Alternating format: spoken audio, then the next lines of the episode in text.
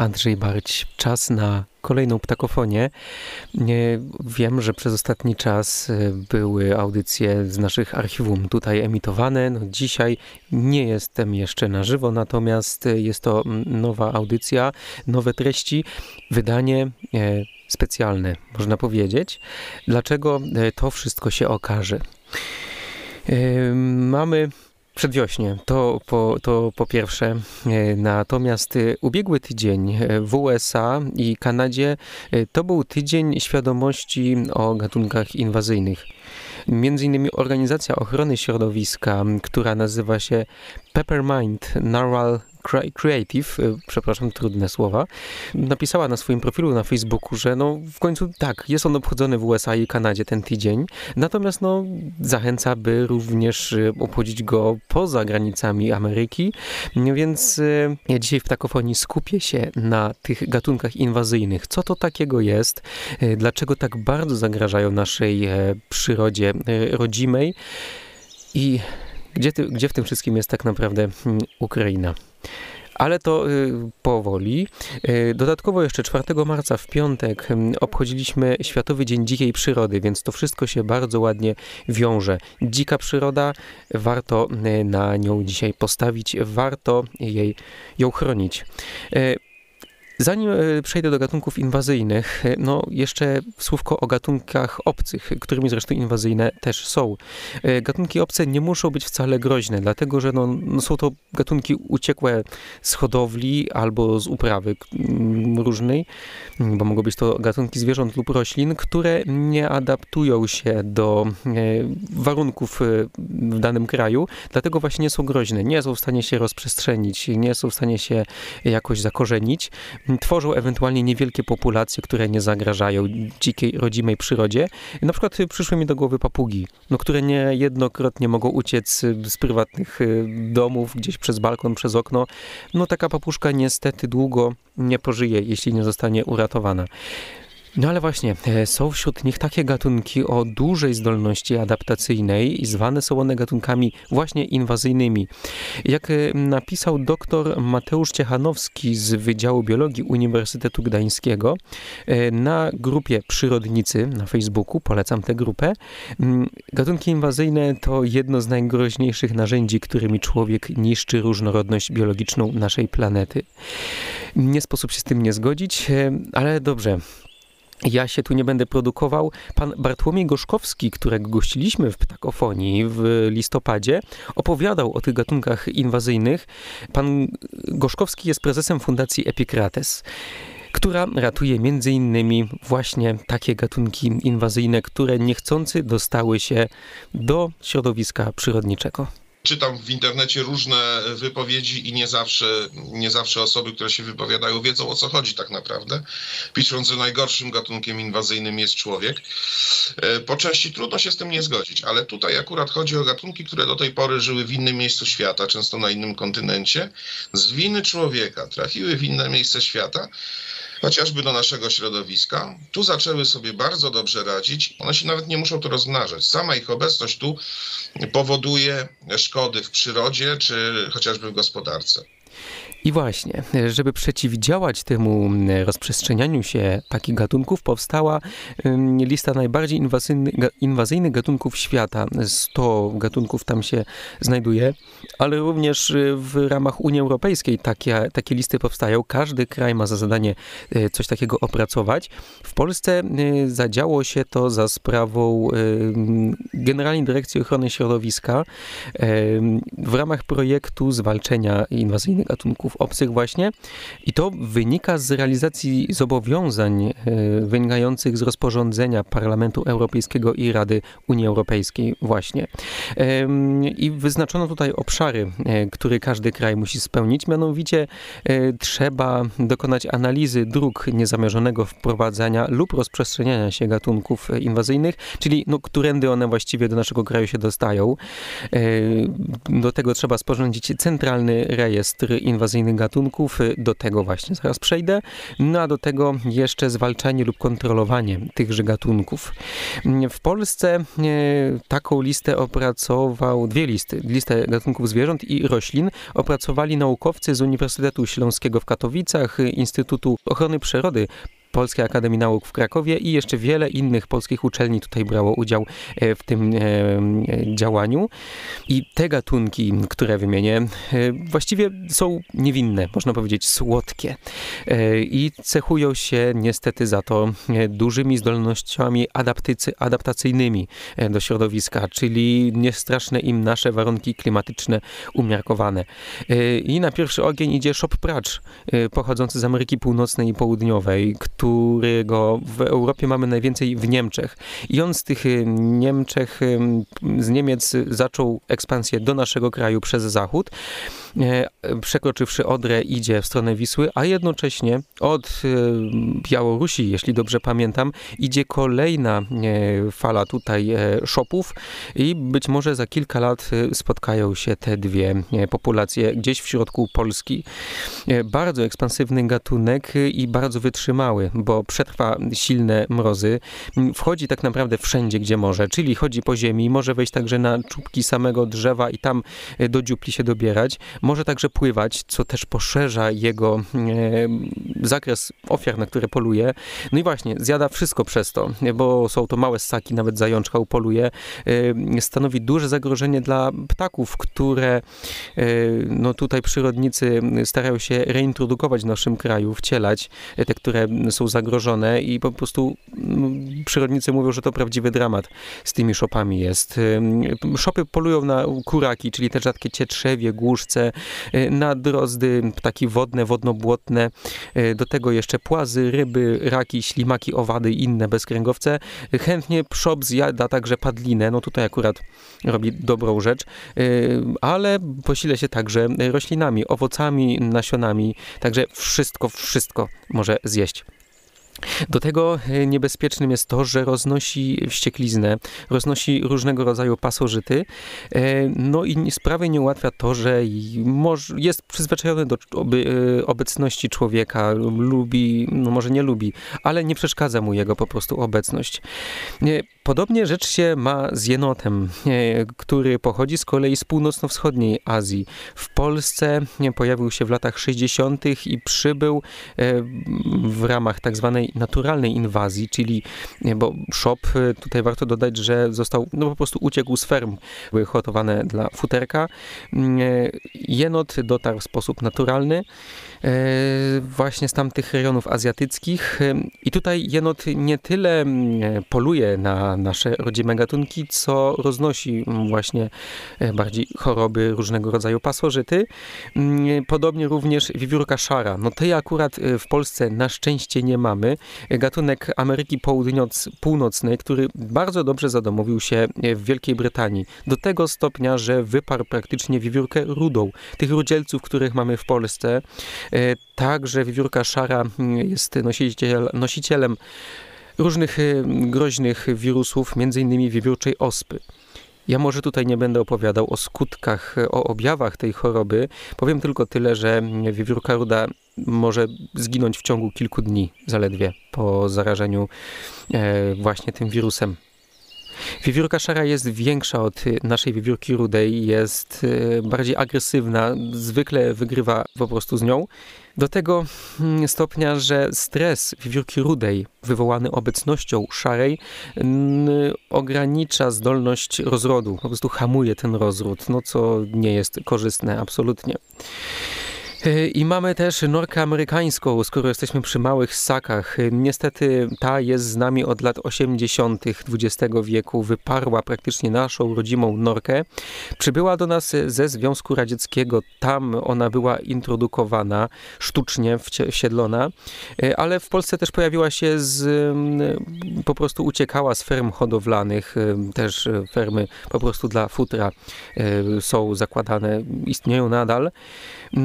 Została jeszcze Norce Amerykańskiej tak naprawdę tylko południowa Polska, ale szacuje się, że do 2025 roku już cała Polska będzie pokryta jej zasięgiem. A norka amerykańska zagraża między innymi naszym rzadkim ptakom wodnym. Dalej idzie nam królik. No właśnie, co taki malutki ssaczek może nam przeszkadzać? Ten, który pochodzi naturalnie z zachodniego rejonu basenu Morza Śródziemnego, Półwysep Iwaryjski, a także północno-zachodnia Afryka. No w Polsce został introdukowany w celach łowieckich, podobnie jak bażant, z tym, że bażant no nie nie przeszkadza tak innym gatunkom, nie zagraża naszej przyrodzie. Y, królik y, w przeciwieństwie do zająca szaraka e, zamieszkuje bardziej zacienione obszary, czyli jakieś brzegi lasów, młode laski, zadrzewienia śródpolne. Zając bardziej e, woli bytować na terenach otwartych. E, do zająca i królika jeszcze wrócimy, myślę, podczas jakiejś majowej audycji, kiedy to się zaczynają gody zajęcze. Powiem tylko, że jak odróżnić zająca od królika?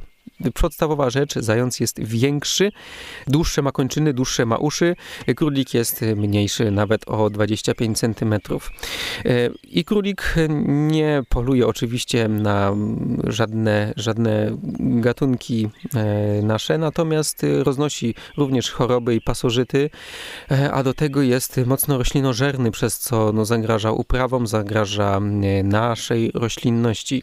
Na szczęście, mimo że jest bardzo rozprzestrzeniony w, naszej, w naszym kraju, to jest słabo ekspansywny, czyli wolno rośnie jego, e, jego liczebność. Dalej, kolejny gatunek to żółw czerwonolicy. I znów pan Bartłomiej Gorzkowski, tutaj oddam mu głos, e, przedstawi e, sytuację właśnie w sprawie tego żółwia.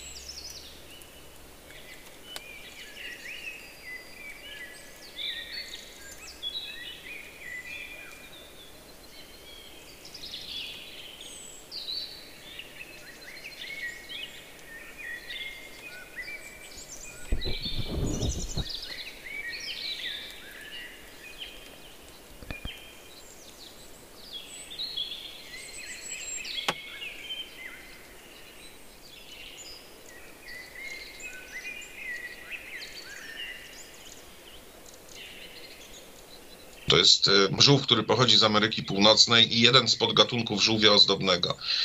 Te żółwie, proszę Państwa, były sprzedawane jako taki malutki, fajny żółwik do domowego akwarium. Często tak, te, takie oferty były w sklepach.